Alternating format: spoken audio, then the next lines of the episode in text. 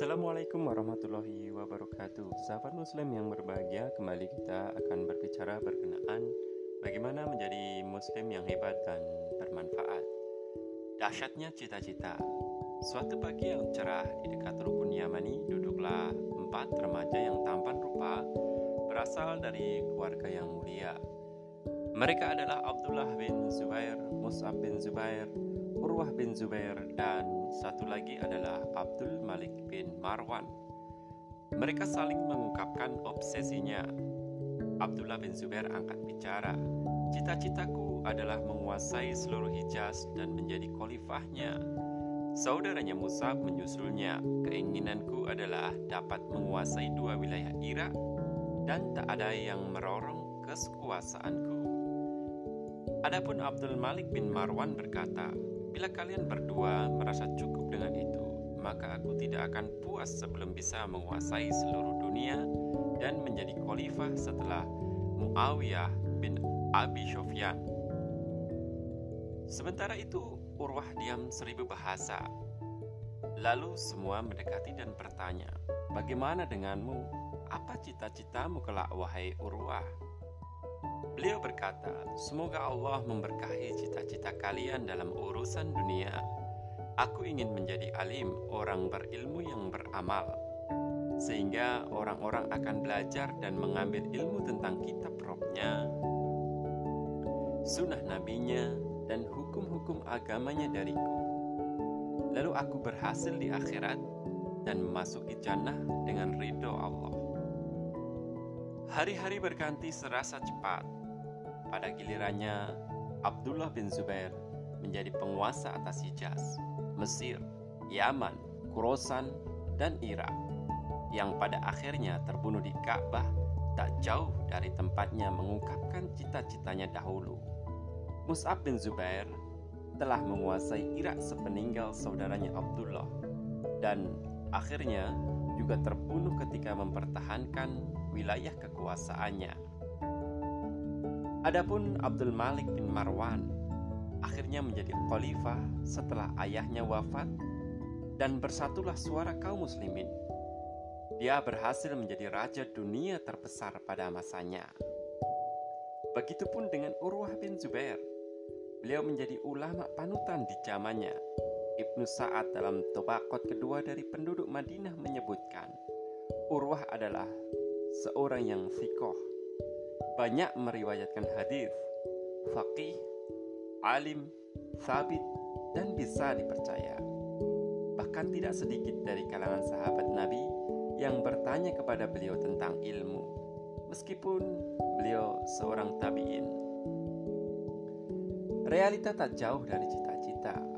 Kisah keempat remaja itu membuka mata kita bahwa yang didapatkan manusia tak jauh dengan apa yang menjadi obsesinya.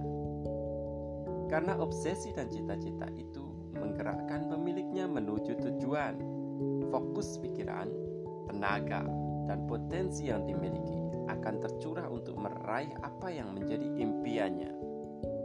Karena itu, jangan tanggung-tanggung menentukan cita-cita. Jangan tanggung-tanggung menentukan cita-cita. Jangan merendahkan diri target dan tujuan. Cita-cita yang biasa saja akan menjelma menjadi usaha yang apa adanya. Dan pada gilirannya hanya akan memanen hasil yang biasa-biasa pula. Padahal Allah menyukai urusan yang tinggi-tinggi. Sesungguhnya Allah menyukai permasalahan yang tinggi-tinggi dan Allah tidak menyukai hal-hal yang rendah. Hadis riwayat Tobrani. Dalam banyak dalil, Allah dan Rasulnya telah memotivasi kita untuk optimis dalam bercita-cita. Jiwa yang mulia pun tak akan ridho dengan hal-hal yang biasa saja. Perhatikanlah doa orang-orang yang dipuji oleh Allah. Dan orang-orang yang berkata, Wahai Rob kami, anugerahkanlah kepada kami istri-istri kami dan keturunan kami sebagai penyenang hati kami dan jadikanlah kami imam bagi orang-orang yang bertakwa. Quran Surah Al-Furqan ayat 74 Kedudukan mutakin memang sudah istimewa, tapi ternyata doa yang dipanjatkan bukan saja menjadi mutakin, bukan saja menjadi orang yang bertakwa, tapi imam atau pemimpin bagi orang-orang yang bertakwa. Ini menunjukkan optimisme yang tinggi, tekad, dan semangat yang luar biasa untuk meraih derajat yang agung. Nabi juga menganjurkan kita, jika engkau memohon jannah kepada Allah, jika engkau memohon surga kepada Allah, maka mohonlah Firdaus. Karena Firdaus adalah jannah, surga yang paling tengah dan paling tinggi. Di atasnya adalah Arsi Ar-Rahman, dan darinya pula sungai-sungai jannah, sungai-sungai surga mengalir. Hadis riwayat Bukhari. Sungguh beruntung orang yang masuk jannah. Sungguh beruntung orang yang masuk surga. Tak ada sedikit pun yang membuatnya susah atau menderita. Meskipun seseorang mendapatkan jannah pada tingkatan yang paling bawah. Tapi ternyata Nabi menghasung kita, memohon kepada kita jannah yang paling tinggi derajatnya. Karena permohonan yang merupakan ungkapan dari cita-cita itu akan mendorong seseorang untuk berusaha mencurahkan segala potensinya untuk meraih tujuan yang mulia. Sahabat Muslim yang berbahagia, sehebat apakah cita-citamu? Sekarang kita lihat seberapa hebat cita-cita kita. Mumpung masih ada waktu untuk memperbaikinya, masih ada peluang untuk menata ulang rencana dan usaha sebagai penutup kata, saya cukupkan kisah Imam Al-Jauzi sebagai contoh yang bisa kita jadikan rujukan dalam memancangkan cita-cita. Imam Ibnu Al-Jauzi sejak kecil memiliki obsesi yang tinggi dalam hal ilmu. Hal itu mendorong melakukan usaha yang luar biasa dan hasil yang dicapainya sulit diimbangi oleh orang sezamannya dan juga setelahnya. Dia bercerita, "Saya merasakan nikmatnya mencari ilmu, hingga penderitaan di jalan ilmu bagi saya lebih manis dari madu, karena besarnya harapan saya untuk mendapatkan ilmu." Di waktu kecil, saya membawa bekal roti kering untuk mencari hadis. Saat istirahat di pinggir sungai, saya tidak bisa makan roti itu saking kerasnya. Satu-satunya cara agar bisa saya makan adalah dengan mencelupkan roti itu ke sungai, kemudian baru saya makan. Sekali menelan, saya ikuti dengan meminum air sungai. Kesusahan itu tidak terasa karena yang ada di benak saya hanya kelezatan saat mendapatkan ilmu. Adapun hasilnya, beliau pernah memotivasi putranya dan berkata, "Dengan jariku ini, pernah menulis 2000 jilid buku. 100 ribu orang bertaubat dan ada 20 ribu orang yang masuk Islam dengan sebab dakwahku. Wallahu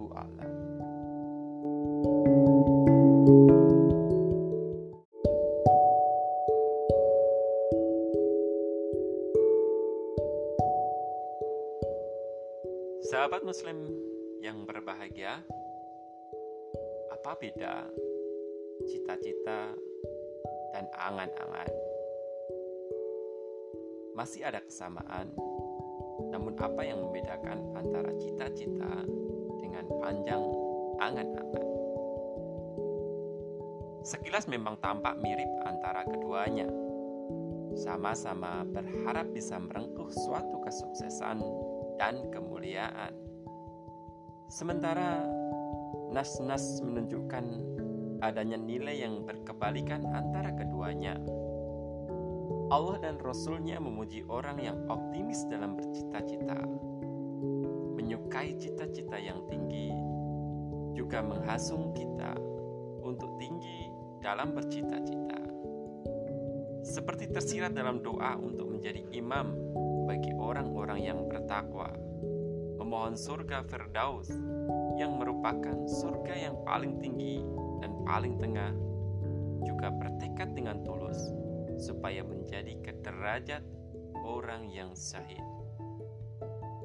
Barang siapa yang memohon syahid kepada Allah dengan tulus, maka Allah akan menyampaikan dirinya ke derajat suhada, meskipun dia mati di atas kasurnya. Hadis riwayat Muslim. Berbeda dengan panjang angan-angan yang dipandang syariat sebagai celah, layaknya penyakit yang perlu diterapi atau kelemahan yang mendatangkan kerugian dan kebinasaan Allah berfirman, "Biarkanlah mereka di dunia ini makan dan bersenang-senang dan dilalaikan oleh angan-angan kosong. Maka kelak mereka akan mengetahui akibat perbuatan mereka."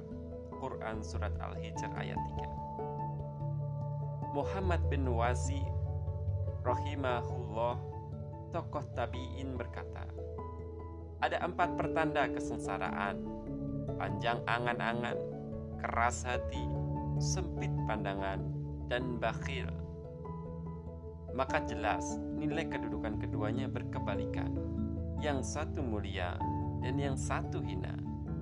Lalu apa yang membedakan antara cita-cita dan berangan-angan? Sahabat muslim yang berbahagia, angan-angan itu muncul karena dorongan hawa nafsu seperti yang disebutkan oleh Imam As-Suyuti dalam Jamil Hadis bahwa tulul amal huwa rojaun matuhibbuhu an-nafsu.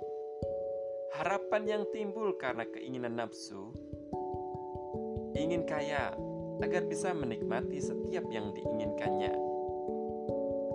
Ingin menjadi pejabat yang memiliki banyak bawahan dan terhormat di mata manusia atau keinginan lain yang ujungnya adalah ingin mendapatkan kepuasan nafsu. Beda halnya dengan cita-cita. Ia muncul dari pemikiran yang jitu, juga renungan yang mendalam tentang posisi atau target apa yang bisa mendatangkan maslahat untuk dirinya dan juga umat. Hal ini sesuai dengan pesan Nabi. Bersungguh-sungguhlah mengupayakan apa-apa yang bermanfaat bagimu memohonlah pertolongan kepada Allah dan janganlah kamu merasa lemah, pesimis. Hadis riwayat Muslim. Sahabat Muslim yang berbahagia, tentu beda pula efeknya. Di samping faktor pemicu antara angan dan cita-cita berbeda, pengaruh efek yang ditimbulkan karena keduanya juga berbeda. Orang yang bercita-cita cenderung membulatkan tekadnya, mengatur langkahnya, mengerahkan potensinya, dan seluruh dan serius untuk menggapai tujuannya. Berbeda dengan panjang angan-angan yang menyebabkan pemiliknya justru berleha-leha dan banyak melakukan penundaan dalam hal pekerjaan. Dengan kata lain, jika ada seseorang memiliki target masa depan yang tinggi, tapi dia berleha-leha, maka yang dia miliki sebenarnya angan-angan, bukan cita-cita. Andai dia memiliki cita-cita, tentu dia akan menggunakan peluang dan potensi untuk sesuatu yang bermanfaat dan mengantarkan cita-citanya. Dan untuk tujuan inilah Islam mengasung umatnya untuk bercita-cita mulia. Nabi membedakan cita-cita mulia orang yang cerdas dengan kelemahan orang yang mengandalkan angan-angan. Orang yang cerdas adalah orang yang sudi mengoreksi diri dan beramal untuk kehidupan setelah mati. Sedangkan orang yang lemah adalah orang yang mengikuti hawa nafsunya lalu berangan-angan kepada Allah. Hadis riwayat Tirmidzi. Silmah berangan-angan bahwa dengan bersenang-senang mengikuti hawa nafsu serta tanpa kesungguhan amal, mereka menyangka akan mendapatkan kemuliaan oleh Allah. Tentang hadis ini, Al-Manawi dalam At-Taishir Bisyahril Jami As-Sogir berkata, Antara cita-cita dan angan-angan itu berbeda. Barang siapa yang tidak mengolah tanah, tidak menaburinya dengan benih, namun dia menunggu datangnya panen, maka dia hanyalah pengandai yang terperdaya dan bukan orang yang bercita-cita.